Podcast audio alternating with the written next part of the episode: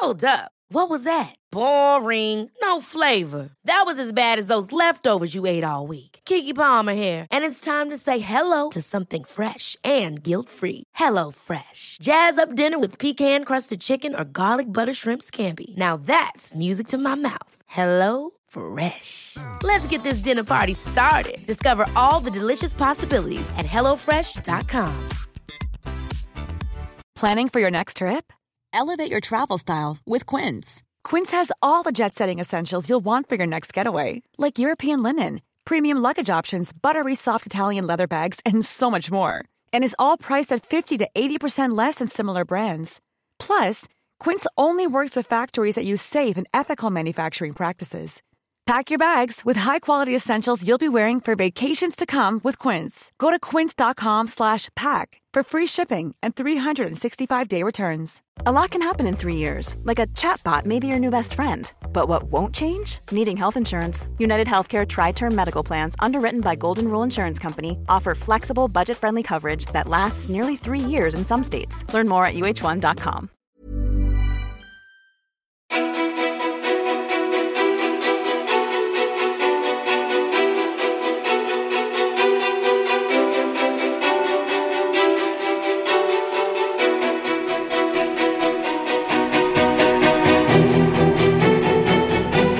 Hansdotter är en av våra mest framgångsrika utförsåkare genom tiderna. Hennes meritlista är lång och innehåller OS-guld, VM-medaljer och tre olympiska spel.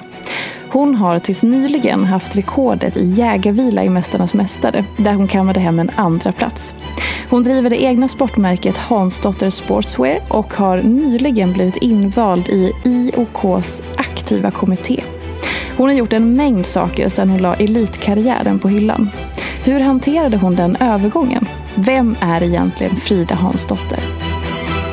Varmt välkommen till podcasten Ofiltrerat med mig, Sofia Peterfia Ståhl. Hej och välkommen Frida! Ja, men tack så mycket!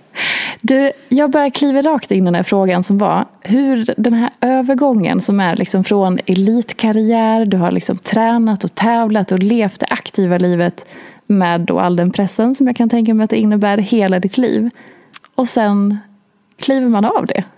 Ja, jo, men det är ju en stor, eh, det, det, är en stor skillnad. Så jag menar, vi reser ju 200 dagar om året och sen så ska man vara hemma. Men för mig var det så här att lika mycket som jag har drömt om det här OS och VM och liksom hur långt jag kan nå. Så hade jag också drömt om att få avsluta på topp, känna att det är jag som bestämmer det här, nu är jag klar. Och så fick jag göra det där fantastiska avslutet i Andorra med både liksom ett bra resultat i slalomen och sen göra mitt avslutningsåk med bullar och dela ut till tränarna. Det var liksom också en dröm i sig. Så att eh, den här övergången jag tror att det beror kanske på hur man får lov att avsluta sin elitsatsning. För jag var ju ändå lite äldre. Ansågs säkert vara lite tant på touren. men, så att jag har ju haft en lång karriär och eh, en ynnest att få vara där uppe så länge. Så att för mig var övergång, övergången ganska enkel. Och jag kände att jag var sugen på att eh, se vad nästa kapitel i livet kunde ge.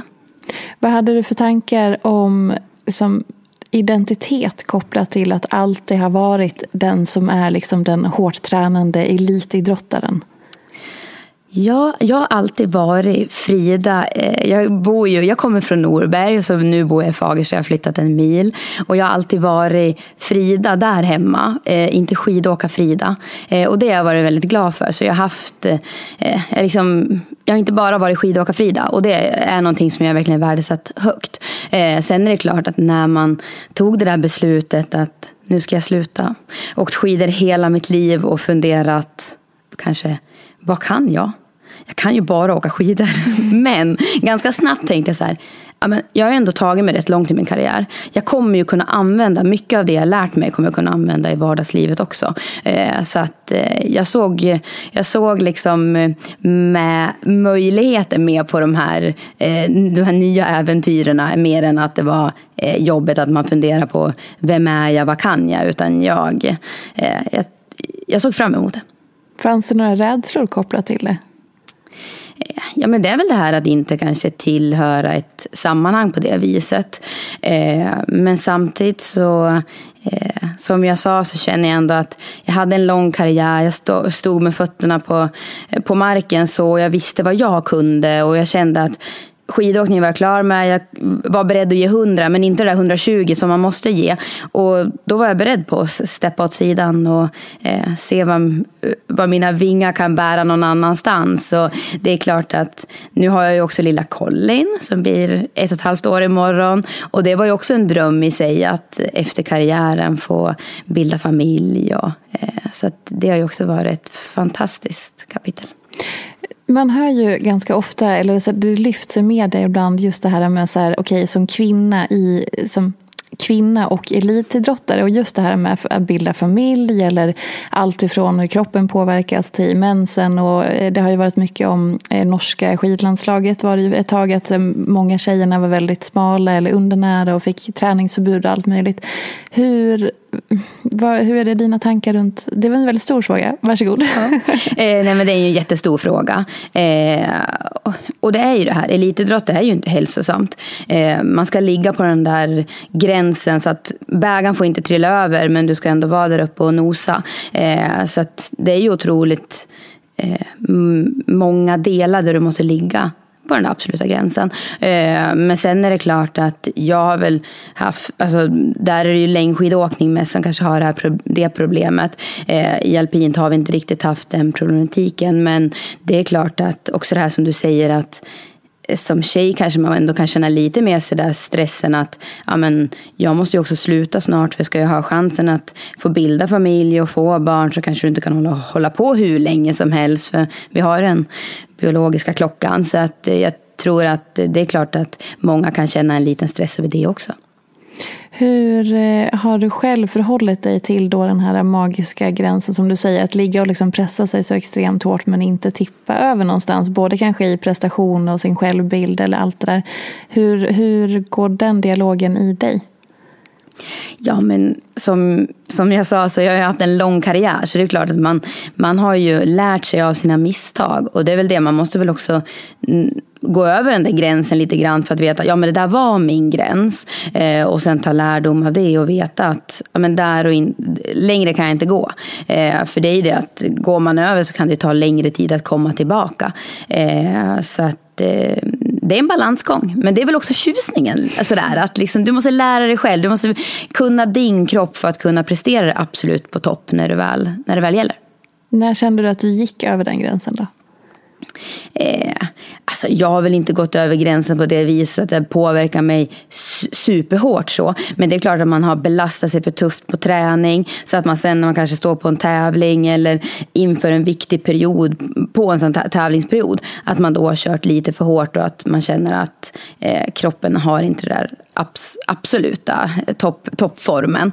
Eh, och då får man ju lära sig det. Och så nästa gång det, liksom, man har chansen att bygga upp sig igen, då får man göra på ett nytt vis. Och det är det eh, som är att du måste lära den där liksom, processen med din egen kropp så du vet att ja, men det är det här jag behöver. Det är så lätt att mm, man kan säga ja, men gör si eller gör så. Ja, men det kanske inte passar dig. Du måste, vet, du måste lära dig själv din, din egen kropp. Mm. I eh, alltså, så här, jag tror att många uppfattar det som, eller om man inte har sån insyn, att man tänker att elitidrottare är liksom fullt ös från morgon till kväll. Man bara kör och köttar och så vidare. Och så tänker man då kanske som motionär att det är därför som man hela tiden behöver träna så himla hårt för att det ska ge resultat och sådär. Men ni är ju minst lika noga med en återhämtning, eller hur? Ja men så är det ju. Det är otroligt viktigt med återhämtning. Eh, och det är väl också någonting som är som, ja, men har man en lång karriär, då är det, när man är yngre, ja men då kanske man kör mer och längre och liksom så. Och sen när man blir äldre, då kan man mer köra de här kvalitetspassen. Eh, men det är klart att eh, jag skulle säga att jag har svårt att pressa mig så som jag gjorde i min elitsatsning när jag visste att det här OS-guld VM, så hårt som jag pressade mig då, det har ju svårt att pressa mig idag för jag har inte det riktiga målet i min träning. Eh, så jag tror mycket det också, har man de här målen så är det lätt att pressa sig för man vet att gör man det här jobbet med träningen då är det desto roligare att swisha ner för backen. Mm. Hur känner du med den här offentliga delen som kommer på köpet inför att okej, okay, nu ska jag satsa på min idrott och så kör jag det racet och så kommer då liksom media, intervjuer, hela den eh, karusellen? Eh, ja, men det kan ju ta mycket energi det också. Men det hör ju till. Och då får man ju också lite, eller jag är i alla fall så, att då får man ju köpa det. Jag menar, gör man ett bra resultat och då gäller det på att du gör de där intervjuerna. Ja, men se det positivt. Och du kan ju bygga ditt eget varumärke. Du får säga det du vill. Eh, så att mm, då får man liksom ta de här positiva glimtarna ur det. Sen är det klart att det många gånger tufft också. Det är ju som du säger, dagarna är långa med både skidåkning och träning och fysa och videoanalys och så. Sen ska man också göra de där intervjuerna. Då kan man ju ibland kanske önska att man inte är den som kanske har gjort de främsta resultaten. Men samtidigt så vill man ju vara där, för det är de där resultaten man vill åt. Har du fått mycket skit genom åren? Eh, nej, jag ska väl säga att jag är ganska skonad så. Eh, jag vet att jag åkte hem från eh, mitt andra OS i Sochi. Då, eh, det är klart jag gick för medalj, men jag, jag kom femma, jag var femma i världen. Och det är klart att jag liksom hoppats på medalj, men det var fyra stycken som var bättre än mig. Och ja, det var liksom fann jag mig i så. Men då när jag kom ner till journalisterna, då var det en som sa att ah, Nej, det var efter, när vi träffades efter OS. Så. Då sa hon så här, jag var så besviken på dig när du kom ner till oss liksom efter åket. För du grinade inte, du var inte arg. Och jag bara, nej men jag var femma i världen. Det var ju, det var ju bra. Men det är klart att sådana delar kan man ju liksom eh, tycka att de är rätt hårda så. Men samtidigt kan man också vända det när man åker till ett mästerskap och journalisterna säger, ja ah, men eh, Frida du tar ju medalj. Då kan man bara, Ska jag ta medalj? Oj jäklar, nu blev det... Oj, gud, det vill jag ju, men det är tufft. Det är ju liksom, konkurrenterna ska också åka och jag ska åka. Men då vände jag på det många gånger sådär att, ja men säger de det, då tror de ju det. Och då har jag stor chans. Min potential där är ju ganska bra då om de säger det. Så då vände jag på det liksom till det positiva och det gav mig mer än eh, liksom självförtroendet att veta att ja, men jag har nog stora möjligheter. Är det pos- eh, det där att vända det till det positiva, faller det sig väldigt naturligt? Eller har det kommit med det livet du har levt? Det, det faller sig nog ganska naturligt tror jag. Jag är, jag är ganska så positivt lagd och gillar att se eh, livets härliga utmaningar även om det är liksom både eh, toppar och dalar så. Men eh, jag tycker det är häftigt att se vart man kan, hur långt man kan gå. Hur stor skillnad är det på privatpersonen Frida hemma i liksom Fagersta, Norberg och de trakterna mot den som får sätta sig i de här offentliga sammanhangen? så? Ja, men det är nog ganska, ganska stort. Eller liksom, egentligen inte, jag är mig själv. Och, eh, men det gäller nog på att den som ställer frågorna ställer rätt rätt frågor. Jag bjussade kanske inte super, i alla fall då när jag var liksom verkligen aktiv, för då var det så himla mycket man ville lägga energin på rätt saker. Så då hade man inte riktigt tiden att sitta och chitchatta på det viset, utan man lät dem ställa sina frågor och sen var man eh, ganska nöjd så. Eh, jag vet faktiskt att när jag slutade då var det också en journalist som sa sådär att ja, men jag har ju intervjuat dig i många år men jag känner liksom att jag inte riktigt, jag vet inte vem riktigt så Frida Hansdotter är. Och då så skämtade jag bara så här, ja men då har du väl ställt fel frågor. För jag är väldigt öppen så. Ja. Men eh, jag skulle ändå säga att jag, eh, jag har nog liksom en liten sådär vägg framför mig. Du, så du har ingen längtan efter att att bjuda in eller att använda någon slags kändisskap till någonting eh, framåt till exempel? Nej, alltså jag jobbar ju med mitt eget varumärke så. Jag tycker det är jättekul och det är så roligt. Allt det det har givit mig att vara duktig i alpint och liksom de, och de som har varit viktiga sponsorer under min karriär. De är nu mina samarbetspartners och kunna ge tillbaka till dem och vara med mera och få liksom en inblick i olika branscher och så. Det är ju en ynnest att jag får göra det tack vare att jag har varit liksom snabb att åka från toppen till botten på en backe. Eh, så det är jag väldigt tacksam för. Men vem är då den Frida som är i det privata, som, som man inte får se då som journalist i, liksom, i vinnarzonen? Liksom?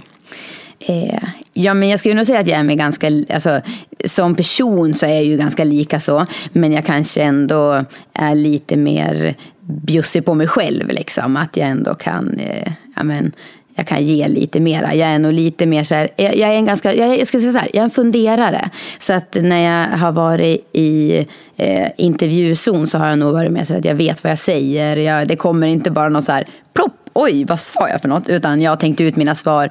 Jag vet liksom eh, vad det är jag vill ge och hur mycket jag ska ge den dagen. Och också eh, jag gillar ju det här lite så här, både med målen och jag är driven och då vet man också att eh, jag vet vad jag kanske, ja, men liksom vad jag kan ge och så för att bygga mitt eget varumärke och vad som är rätt i vissa, i vissa lägen och så. Det är ju annat när man kanske, ja, men som när man slog igenom om man var 18-19 år, då var det ju mer att man oj, vill de prata med mig? Nu på slutet är det mer bara kanske man tagit för sig och vet att ja, men det, här vill jag, det här vill jag lyfta nu. Det här är en viktig fråga för mig. Eller det här är otroligt viktigt inför den här tävlingen. Och eh, det här har jag jobbat på. Och så så att, eh, då utnyttjar man, eller liksom, man tog chansen med.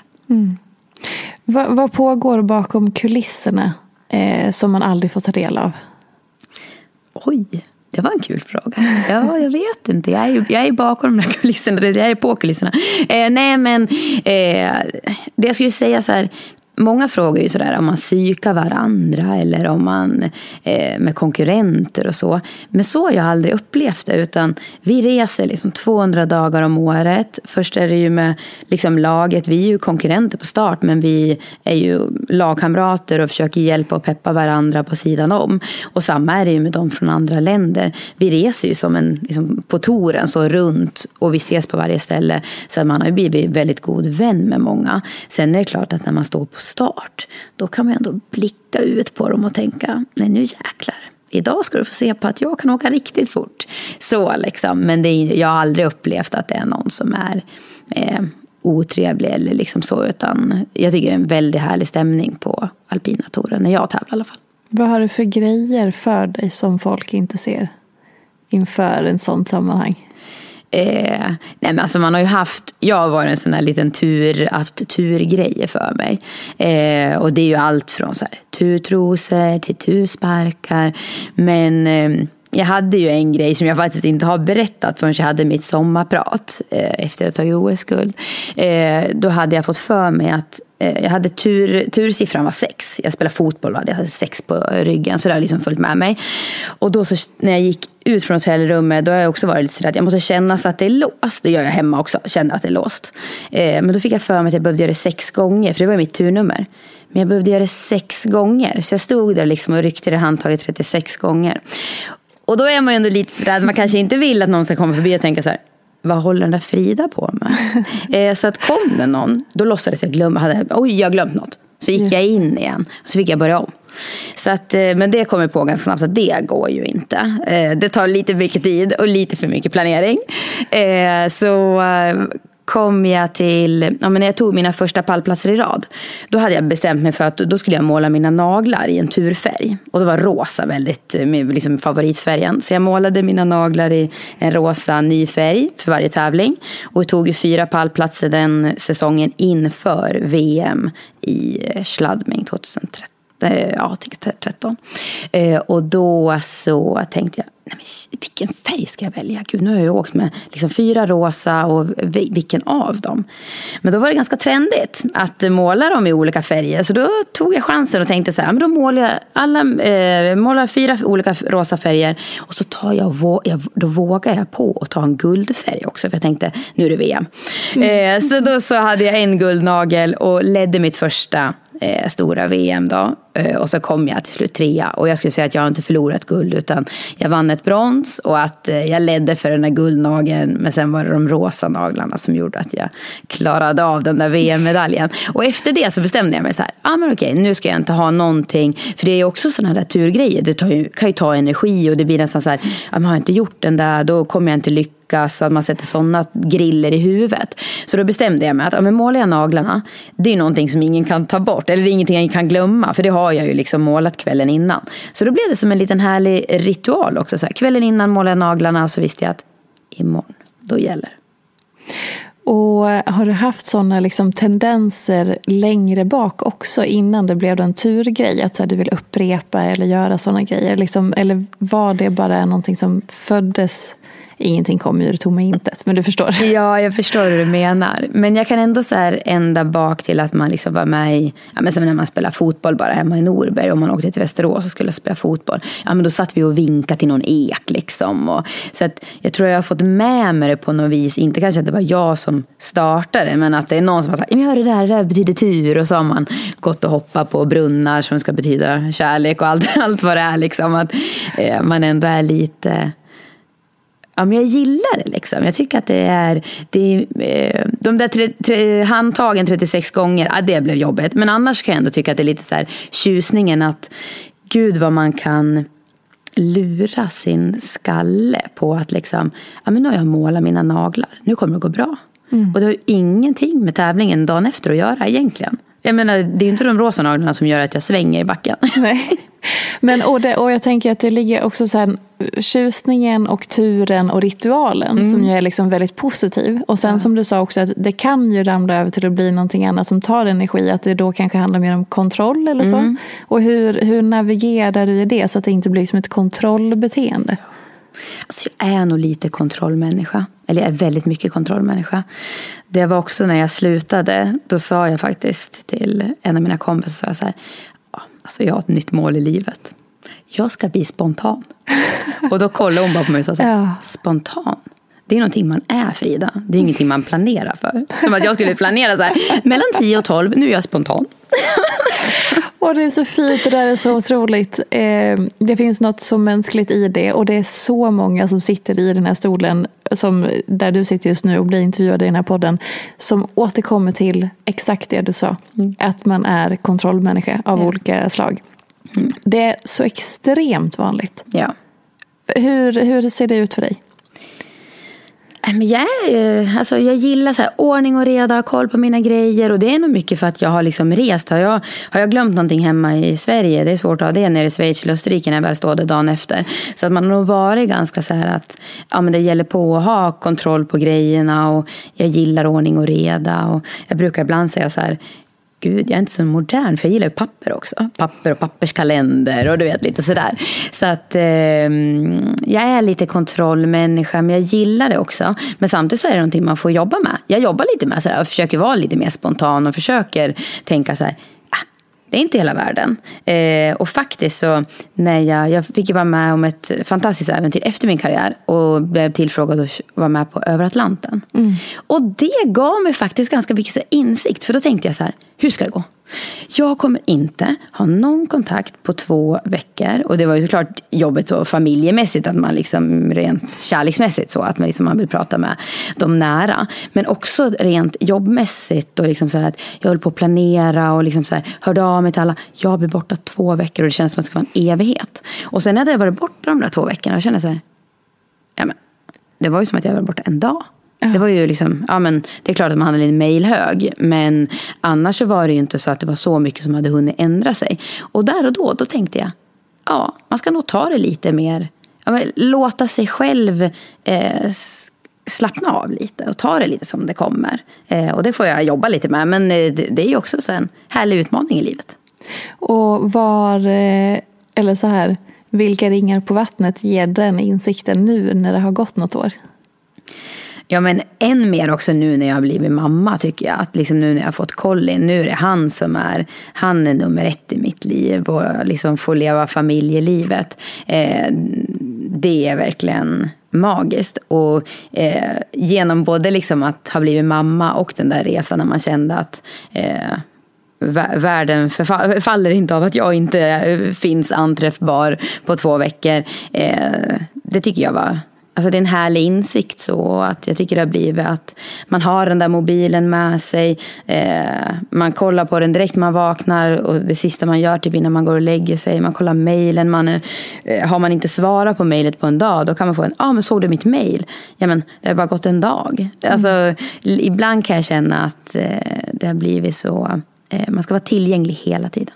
Mm, verkligen. Mm. Innan vi går vidare på det ämnet som du var inne på nu, att du har blivit mamma, och så bara backar vi bandet lite. Och du nämnde de här 200 resdagarna per år. Hur är det att bibehålla relationerna i liksom det livet? För det är inte alltid det klaffar kanske med att man vill ses, man hinner prata, man hinner umgås och sen behöver du också, eller ni då aktiva, gå in i liksom eran zone också kan jag tänka mig och bara okej okay, nu ska jag stänga ute världen för att kunna fokusera och allt vad det innebär.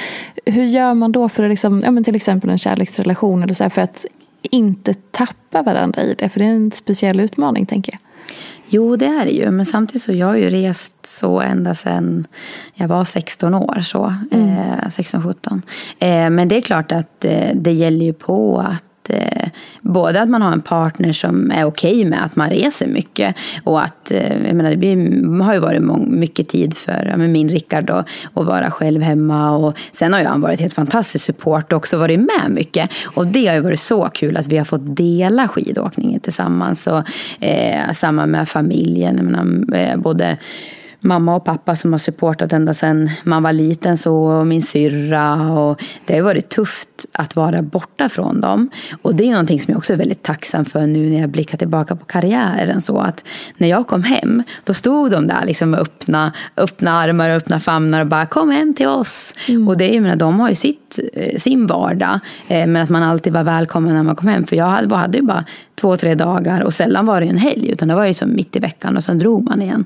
Eh, så att, eh, att jag haft dem har ju betytt så otroligt mycket. För jag är ju, jag är ju sån otrolig familjemänniska. Så när jag tänk, tänker på att jag är sån familjemänniska så kan jag också känna så att jag inte längtade hem mer. Men det var ju den här drömmen, liksom, att få förverkliga det här. Liksom, att man ändå strävar mot de där OS och VM och se hur långt man kan gå. Det har ju varit som ett sånt kall för mig. Och sen är det klart att eh, på somrarna. Det har inte varit så kul när kompisarna drar och ska hänga på en strand och man själv ska sticka ut och köra de där intervallerna. Men samtidigt har jag ju vetat att jag kan ju inte ligga och, ja den här kontrollmänniskan igen då. Jag kan inte ligga och slappna av ändå på stranden innan jag gjort de där jobbiga men ack så härliga intervallerna. Eh, så att jag kan ändå känna att jag gjorde, jag har ju som gjort mina val på att kanske vara tråkig och ego i vissa fall. Men jag vet också att det, det har ju gett mig så mycket mer på ett annat plan. Eh, så att jag kan få den frågan ibland så här att jag offrar mycket. Men jag tycker inte jag offrar något utan att jag snarare har fått. Sen är det som alla gör ju sina vägval och jag är så glad att jag ja, men liksom hade hemma. Min oas var ju liksom Norberg, Fagersta och dit kom jag alltid hem. Jag hade ju kunnat bosatt mig i Österrike eller Schweiz eller någonstans närmare eh, tävlingarna. Och det kanske egentligen hade varit bättre rent återhämtningsmässigt. Men för mig visste jag att det skulle ge så mycket mer att få komma hem och landa hos mina nära och kära och att det skulle ge mig så mycket mer liksom både energin och det här liksom att känna att ja, men, också det kanske att få kliva ur, som du frågade i början, att liksom skidåka Frida, då fick jag kliva ur den bubblan. Då var jag vanliga Frida, så fick jag vara det för några dagar och sen så åkte man in i den där bubblan igen. Mm. Hur har liksom din resa i livet fram till att de här drömmarna började odlas och du började liksom veta vilken riktning du skulle gå och göra alla de här valen. Hur var livet fram, fram tills dess? Ja, alltså jag var ju en riktig så här sporttjej när jag var liten och det var min syrra också. Och vi testade nog på det mesta som Norberg hade att erbjuda. Och det är man ju också så väldigt tacksam nu efteråt att mamma och pappa lät oss, att vi fick prova på. Eh, och sen var det längdskidåkning och alpin på vintern och det var fotboll på sommaren. Eh, men det var väl samma när man blev lite äldre så förstod man ju också så här, eller man, man fick ju en insikt också att eh, på fotbollen till exempel så hade vi en tjej som var otroligt duktig. Och då kände ju jag att, äh, men så bra är inte jag. Men däremot både alpint och längd eh, var jag väldigt duktig i och vann ungefär lika mycket i det när jag kom uppåt. Så här, när jag gick i sexan, sjuan typ. Men sen så fick man ju lov att välja. Mm. Dagarna räckte ju inte till. Det gick liksom inte att hålla på med båda sporterna. Och Eh, då tyckte jag ju att det var roligare att swisha ner för backen än vad det var att klättra upp för så. Eh, och sen är det klart att jag har ju haft, pappa är ju en gammal, han är gammal landslagsåkare. Så det är klart att jag har haft den fantastiska möjligheten så att ha honom som tränare och syrran som också åkt alpint och mamma som supportade där med liksom kläder och såg till att vi hade mat i magen. Och, eh, det har liksom varit som familj. Det, det, jag skulle säga att det är den aktiviteten som har gjort att vi blev så sammansvetsade familjen. Eh, jag och syrran, vi, det spelade liksom ingen roll om det var disco på fredagar. Vi älskade att sätta oss i bilen och få åka upp till Björnrik och Vemdalen och Klövsjö för att det var liksom tredubbelt så långa backar som hemma. Och så bodde vi i hus, husvagn och hade mysigt så. Så att eh, det är ju de minnena egentligen kanske när någon frågar mig sådär att ja, men vad är det bästa med karriären? Och det är klart att det är helt fantastiskt att jag lyckades ta ett OS-guld och VM-medaljer och de här pallplatserna och vinster. Men när jag tänker på den här liksom skidåkningen så är det glädjen. Och den startade ju i Klackbergsbacken med alla kompisar och vänner och familjen. Eh, så att eh, jag skulle säga Klackbergsbacken är de bästa skidminnena. Mm. Det var sån, eh, en liten kuriosa där. Men så här, jag har ju också varit i de där områdena och när jag hade min väldigt, väldigt korta och inte så alls framgångsrika eh. Men det är så roligt för jag känner igen alla de här områdena som du pratade om så jag känner mig också väldigt hemma. Ja. eh, men då också så här, i och med att du har levt det livet eh, som du har levt med allt vad det inneburit och nu när du har blivit mamma. Eh, vad vill du ge till honom då utifrån liksom prestation eller eh, elitsatsa eller karriär eller, så här, eller då också gemenskapen och idrotten och allt det där. Ja, gud, jag har ju älskat mitt eh, liksom, liv jag hade när jag var yngre så att jag hoppas ju kunna ge och stötta honom på samma vis. Och det är väl det jag också har eh, liksom, eh, nu efteråt är man så tacksam att mamma och pappa fanns där både i med och motgång. Och, eh, jag vet att det var många gånger när man, menar, det är ju tufft att ligga ute de där 200 dagarna och så kanske man inte gör exakt de resultaten man vill och speciellt när man är på väg uppåt. Eh, och då kommer jag ihåg att man, jag ringde ju hem och pappa var det bästa bollplankan liksom, från dag ett till liksom min sista dag så har jag alltid ringt honom och pratat teknik och alltid så bolla och eftersom att han alltid har varit med så är det ju, även fast jag har fått tränare som kommer och går så blir det ju under en så lång karriär så har jag ändå alltid haft pappa som har kunnat översätta vissa ord om jag har sagt så här, men jag fattar inte riktigt vad tränaren menade nu och då kanske han kan bara växla över ett ord och så vet Jaha, det var så han menade. Och så har vi liksom kunnat diskutera. Och det har ju varit guld värt. På samma vis som mamma när man liksom ringde hem och sådär. Ah, men jag gör inte de resultaten som jag vill och så. Då sa hon så här. Ja, men du behöver inte åka skidor. Mm. Och då blev man nästan sur. Så här, Va? Jag ska ju åka skidor! Liksom att man, jag ville det ju så mycket. Jag ville liksom verkligen prestera. Men där har jag verkligen haft sånt stöd. Och jag har ju aldrig jobbat med mental träning till exempel. Men där har jag känt att jag haft de bästa mentala tränarna. Det har ju varit mamma och pappa som liksom känner mig och alltid, eh, har alltid funnits där. Eh, så det är klart att det önskar jag. Att jag, alltså jag vill ge eh, Colin samma möjlighet liksom att han får testa på det han vill. Och sen vad han än väljer så kommer man ju vara där och stötta. Och så hoppas jag att han vill hålla på med en idrott. För jag tycker idrott ger så otroligt mycket och med gemenskap och att man har roligt ihop och så. Vad om vi bara kastar ut och så här, vad skulle du vilja ge för kritik till elitidrotten så? Också med tanke på det vi kanske pratade om lite grann i början. Och så, eller finns det någon så feedback som att så här, oh, det här önskar jag vore annorlunda eller det här borde elitidrotten bli bättre på eller så? Alltså jag har ju haft en fantastisk resa. Jag tycker det har varit väldigt bra. Jag har haft ett otroligt stöd både från liksom när man kom in i landslaget, både från förbundet och när man fick vara med Sveriges olympiska kommitté. Och, eh, men det är klart att Eh, alla är vi olika och vi tänker olika. Så att, eh, på ett vis skulle man ju kanske önska, men det är ju svårt, jag menar, eh, svårt att säga så här, det finns inte, för det finns ju hjälp att ta och så, men jag skulle önska att det var så många fler av de yngre som vågar tro på sig själva. Eh, och det är ju tufft, för jag menar, det är på vägen upp och man vet knappt om man kanske är så bra som man hoppas och så. Men eh, det brukar jag försöka när jag är ute och träffar ungdomar och så, att peppa dem att tro på sig själv. För man kan så mycket mera. Eh, och bara att eh, har man den där lilla tron och att man liksom ser möjligheter eh, och den där rätta inställningen istället för att tänka att nej men jag kan inte. Nej, men försök! Det enda som kan hända är att du inte klarar det. Men då får du bara jobba hårdare så nästa gång så kanske du kan det. När är du inte diplomatisk?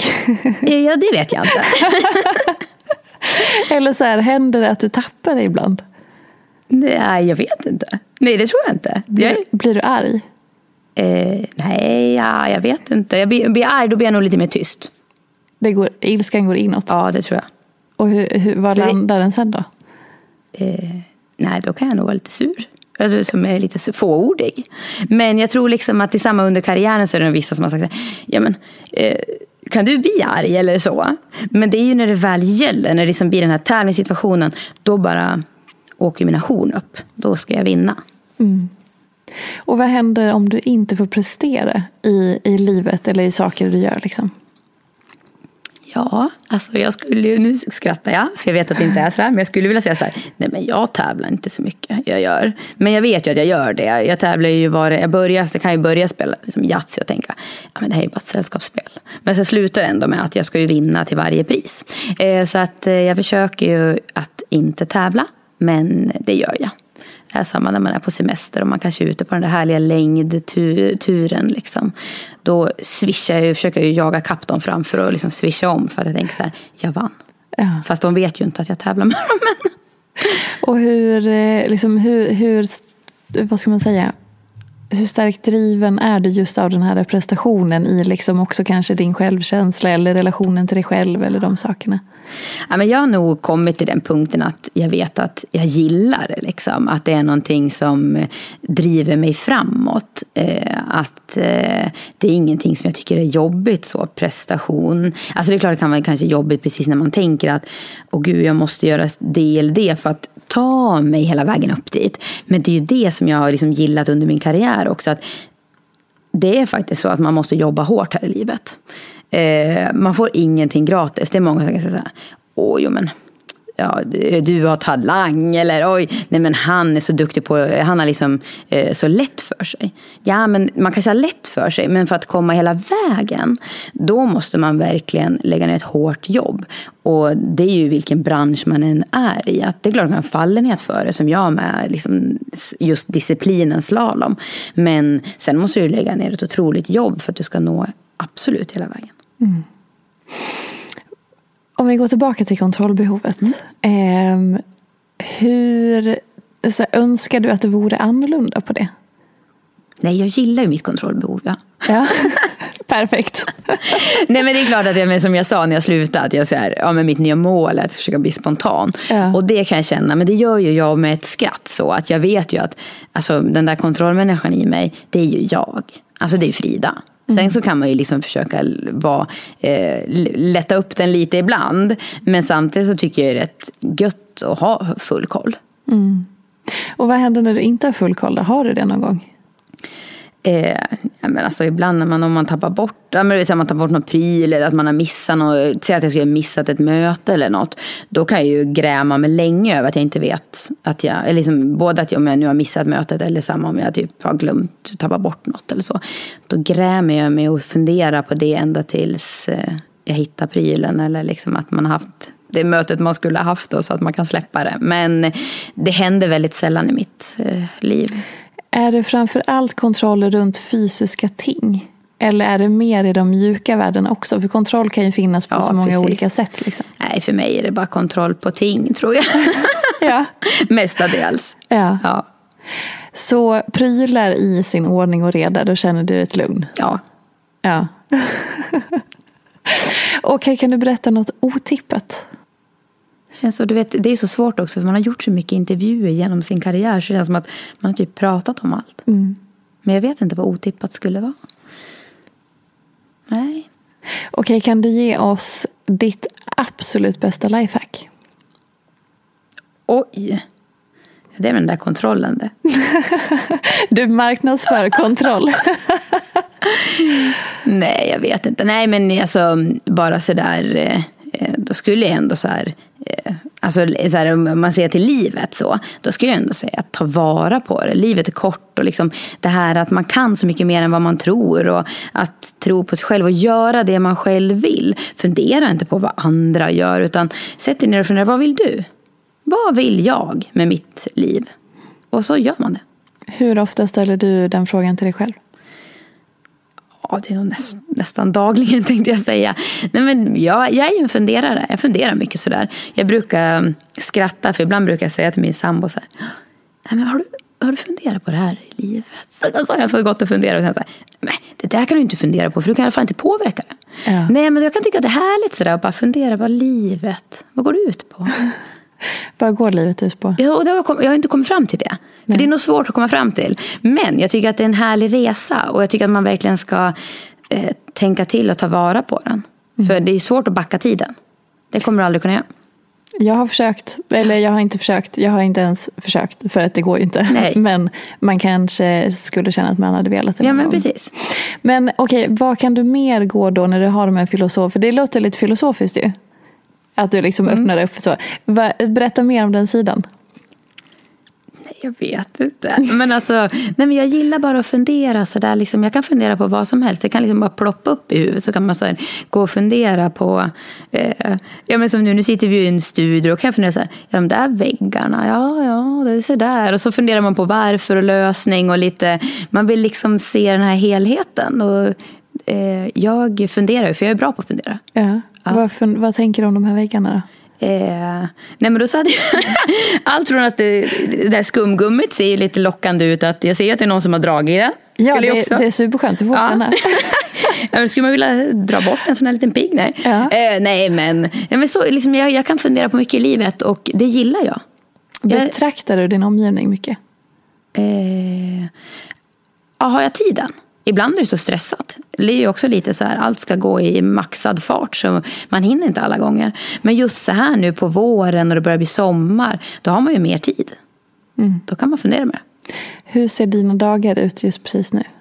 Eh, ja, men just precis nu så har faktiskt min sambo är pappaledig. Så vi har kommit hem. Vi har varit i Spanien i fyra veckor. Eh, superhärligt. Jag har typ aldrig varit iväg på en sån lång semester. För när jag slutade liksom under min aktiva karriär, då var det ju åtta dagar i maj. Det var liksom de dagarna man kunde åka iväg på semester. I alla fall som jag kände att jag kunde åka iväg på semester. Sen kan man väl åka när man vill. Men det, det hade jag bestämt mig för att det var det bästa för min satsning. Eh, så att, eh, och sen kom covid. Så då har man inte kunnat resa mycket. Så då så sa vi nu när min eh, sambo blev pappaledig att ska vi inte åka iväg på en lång resa?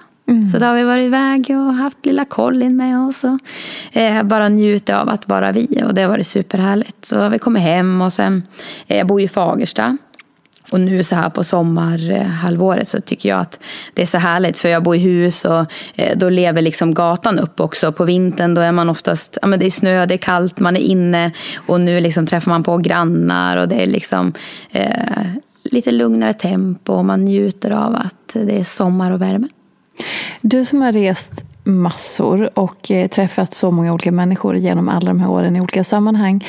Vad är det du som tar med dig i det som är så familjärt där hemma? Liksom, som, som bara är en ganska, ganska oklar fråga. Men just när man, när man reser ut i världen, både du och jag kommer från småstäder, så kan man ju uppleva ibland att det är väldigt olika eller att det absolut inte är det. Eller att det är, det är precis likadant fast i olika skepnader. Eller så här, vad, vad har du fått med dig av all, allt resande just i liksom, relation till platsen du kommer ifrån?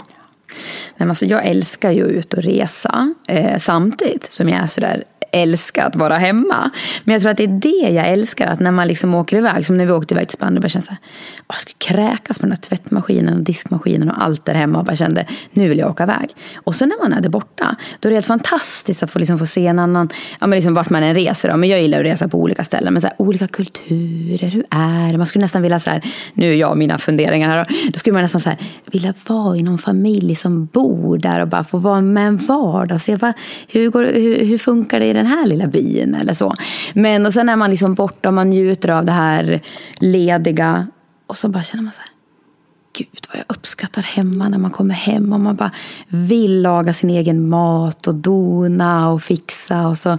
Eh, men just det där hemma är ju för mig också familjen. Att man då har nära till, eh, nära, till liksom nära och kära. Och att, eh, eh jag har nog det liksom från att när jag var liten. Att det alltid varit familjen. Vi har eh, umgås, liksom släkten. Och, eh, det är en trygghet tycker jag att ha dem där. Den här kontrollen, sista frågan om den. eh, men är det någonting som, som kommer in i så här vardagsgnabbet i relationen? Just också som småbarnsförälder och det ska vara på det här sättet eller sådär. Nej, nej, men då är min sambo spontan. Så han, då får jag hålla i kontrollen där. Då kan jag få liksom köra på. Eh, och han har ju han har absolut koll på sina grejer, inte så. Men vi brukar skratta för jag är sådär, eh, liksom ska man ha bjudning, ja men då står ju jag klar en halvtimme innan. Och samma om man ska åka bort, då kommer jag ju på minuten. Eller liksom så. Man är inte sen. Men då säger han till mig så här, ja men det är väl ingen som har bjudning som vill att man, gästen ska vara tidig. Och det har han ju rätt i. Ja. Men då brukar jag säga, ja men åker vi till mina, då är vi tid. Åker vi till dina, då får du bestämma. Ja. Så att eh, där är liksom, nej, jag, vi kompletterar varandra på bästa vis skulle jag säga. Återigen diplomatisk och ödmjuk. Det är väl någonting som kommer till mig. Så här, du är så otroligt diplomatisk och ödmjuk, vilket är jättefint. Är så här, ja, men precis som du sa när journalisten, men, så här, men när blir du arg då? Eller när, liksom, när har du en skitdag? Har du det? Ja, men jag blir nog inte arg. Och sen är jag inte rädd för konflikter så, men jag ska lösa dem. Jag skulle aldrig gå och lägga mig om jag inte har löst en konflikt. så. Eh, jag gillar inte att man eh, har... Alltså man, kan, man, man får absolut tycka olika och man får liksom... Men då vill jag gärna prata ut om det. Så här, men så här känner jag och det är därför jag känner så. Jaha, du känner så. Jaha, okej, men då miss... Ja, men du vet att man liksom verkligen pratar ut om det. Och det är så otroligt viktigt för mig. Och det är därför jag inte är... Jag, jag, jag kan liksom bli eh, arg, men då är det nog väldigt kort och då är jag tyst. Och sen så eh, släpper jag det liksom. Men om du är tyst och sen pratar ut, hur går det ihop? Jo, men jag måste vara tyst först. Ah, För okej. annars då, kanske jag, då är det kanske den där eh, kontrollmänniskan. Då säger jag något som jag kanske inte har tänkt igenom. Så då liksom sitter jag tyst först och funderar. Den där funderar Frida. Så här, ja, men då tänkte den så, jag sa så, den sa så. Jag har fattat. Ja, du vet, så, så här, eh, menar, menar den personen si eller så? Och så har jag funderat och då ställer jag frågan. Typ, kanske. Ja, men så här tänkte jag. Varför, varför sa du så? Eh, hur, tänkte du där? Känner du att du behöver hitta en förklaring? Alltså som en så här, för att typ, eh, nu ska vi se hur det blir. En förklaring för den andra först så att den får bli lite så här hjälpt eller ursäktad. Alltså inom dig, inte utåt. Utan att du så här, okej men den menade ungefär så här för att, alltså som att du reder ut det själv först. På något vis. Nej, oj, oj. Ja, men lite sådär med att jag funderar. Alltså jag är nog... Eh, eh, jag, är in, jag vill nog liksom inte att det ska bli att någon... Jag är så mån om att inte någon ska känna sig... Att någon ska må dåligt eller så. Att man vill liksom att alla ska, eh, alla ska må bra. Och, man, eh, och då när det blir någon sån här liten dispyt då vill jag först kanske tänka igenom så inte den blir ledsen för att man sa si eller så. Eh, så det är nog mer liksom i omtanke. Mm. Mm. Men det är ju nu för tiden, tänkte jag säga nu för tiden. Det var väl mer när man var yngre, då kunde det ju bli att man rök ihop med kompisar och så. Nu är det ju nästan aldrig så. Och sen är det klart, jag menar jag och min sambo, man eh, tycker väl inte lika jämt. Men där tycker jag att det är så skönt för vi, alltså vi kompletterar varandra så bra. Och samma liksom det här att han har ju supportat mig så när jag eh, tävlade. Och jag kommer ihåg när jag skulle sluta också, då försökte jag säga att kan inte du säga att du vill att jag ska komma hem? Eller liksom sluta. Han var alltså håll på så länge du vill. Jag supportar. Och det har ju varit så skönt liksom, att han alltid funnits där. Och nu också när vi har fått familj och liksom att nu finns man ju på hemmaplan mer så då kan jag supporta honom i hans karriär. Och, ja, så. Vad utmanar dig just nu? Eh, ja men det är nog fortfarande så här, även fast jag inte har OS-guld och VM och drömma om på det viset. Så är det ändå väldigt kul att så här, vad, vad, vad kan jag ta av mig? Vad vill jag? Och just nu så eh, jobbar jag liksom med mitt eget varumärke. Och det är ju väldigt kul att eh, de som, ja, men speciellt de som har varit så otroligt viktiga sponsorer under min karriär, som har betytt så mycket, att de vill fortsätta ha samarbete med mig och att man får ge tillbaka. För under karriären som sagt 200 resdagar, då har man inte så många dagar att eh, liksom göra så mycket med sina sponsorer eller liksom marknadsföringsmässigt. Så att eh, nu har jag mer tid och då är det så kul att få ge tillbaka till de som har betytt så mycket. Om du kort ska hisspitcha ditt egna varumärke, kan du göra det? Eh, ja men det är ju verkligen en dröm, mitt Hansdotter Sportswear. Eh, att få starta ett sportklädesmärke som produceras i Europa. Och, eh, jag, när jag tränar, jag älskar, alltså Bra, snygga träningskläder. Man blir så stark, så snabb. Och det är liksom målet. Att plaggen ska verkligen vara någonting som man känner att det här vill jag ha i min garderob. Eh, och eh, som sagt, vi är ju liksom i uppstarten. Så vi har inte så stor kollektion, men det kommer mera. Och det kommer massa fint till hösten. Eh, så att eh, det är verkligen någonting jag har drömt om som också så här har förverkligats. Och jag hoppas eh, verkligen kunna driva på det. Och eh, det ska bli kul att se vad det kan bära. Som avslutning så brukar jag ställa samma fråga till alla mina gäster och det enda man inte får säga är Instagram eller sociala medier. Enda regeln. Oj. Och det är, vad är inte som det ser ut? Oj, ja, den var svår. Men vad är som det ser ut? Ja, Va? exakt. Eh, oj, vilken svår fråga. Eh, den är nästan sådär som man kan trassla in sig i när man funderar på. Den har du att fundera på nu känner jag. Eller hur? Det kände jag, så här, jag som är, dålig på att vara spontan. Bara, jag tänkte så här, nu ska jag komma på något bra. Så, oj, men det är ju en djup fråga. För det är mycket som eh, eh, inte är som det ser ut. Eh, men som du sa, man vill ju gärna säga Instagram. Men det förstår jag att eh, det skulle väl alla svara i så fall. Eh, vad är inte som det ser ut? Ja, men det, alltså, det kan väl vara egentligen kan, kan väl vara vad som helst. Jag menar, det kan ju vara en frukt som inte smakar som den ska. Eller en, alltså en människa som... Jag menar, äh, man kan ju se ut på ett vis, kanske se sur ut. Och så är man världens gladaste person. Men eh, den där Sofia, du, eh, spontan-Frida har inget bra svar på den. Hon får nog, eh, kontroll-Frida får gå hem och fundera och återkomma. Ja, men jag gör jättegärna det. Gud vad, Vad brukar du få för svar? Mm, det brukar vara allt ifrån eh, eh, alltså, livet, människor, Ja. Ingenting eller allt. Alltså lite sådär. Och sen kan det vara mer specifikt som att folk kopplar det till en själv. Eh, typ att ja, men folk tror att jag har den perfekta relationen men vi gör faktiskt det här också. Eller eh, folk tror att jag alltid är så här men jag är faktiskt så här också. Eller så där. så att det brukar alltid vara att antingen så går de direkt till sig själva och berättar någonting som kanske inte har sagts innan. Eller att man är så där djup och filosofisk och bara det är faktiskt ingenting som ser ut. Så, eller ja, ingenting är som det ser ut. Ja. Lite så. Jag förstår. Innan eh, vi säger tack och hej, är det någonting du vill säga till de som har lyssnat på det här avsnittet? Åh, jag skulle vilja tacka dig för att jag fick vara med. Jätteroligt. Och sen vill jag passa på att önska alla som lyssnar en fantastiskt trevlig sommar. Ja, tack snälla. Och surfa in på Hansdotter Sportswear, eller hur? Ja, det tycker jag absolut ni ska göra. Det måste man. Både på eh, webben såklart och på Instagram finns det överallt.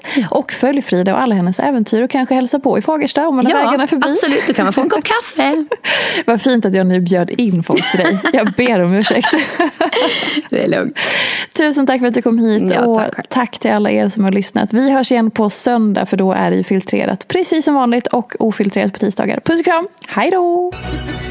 Följ mig gärna i sociala medier. Jag finns på Instagram som peterfia och bloggar på peterfia.se. Jag blir så glad om du vill recensera den här podden, prenumerera och lämna gärna önskemål på gäster. Vi ses i sociala medier. Ha det gott så länge. Hej då! En podd från Allermedia.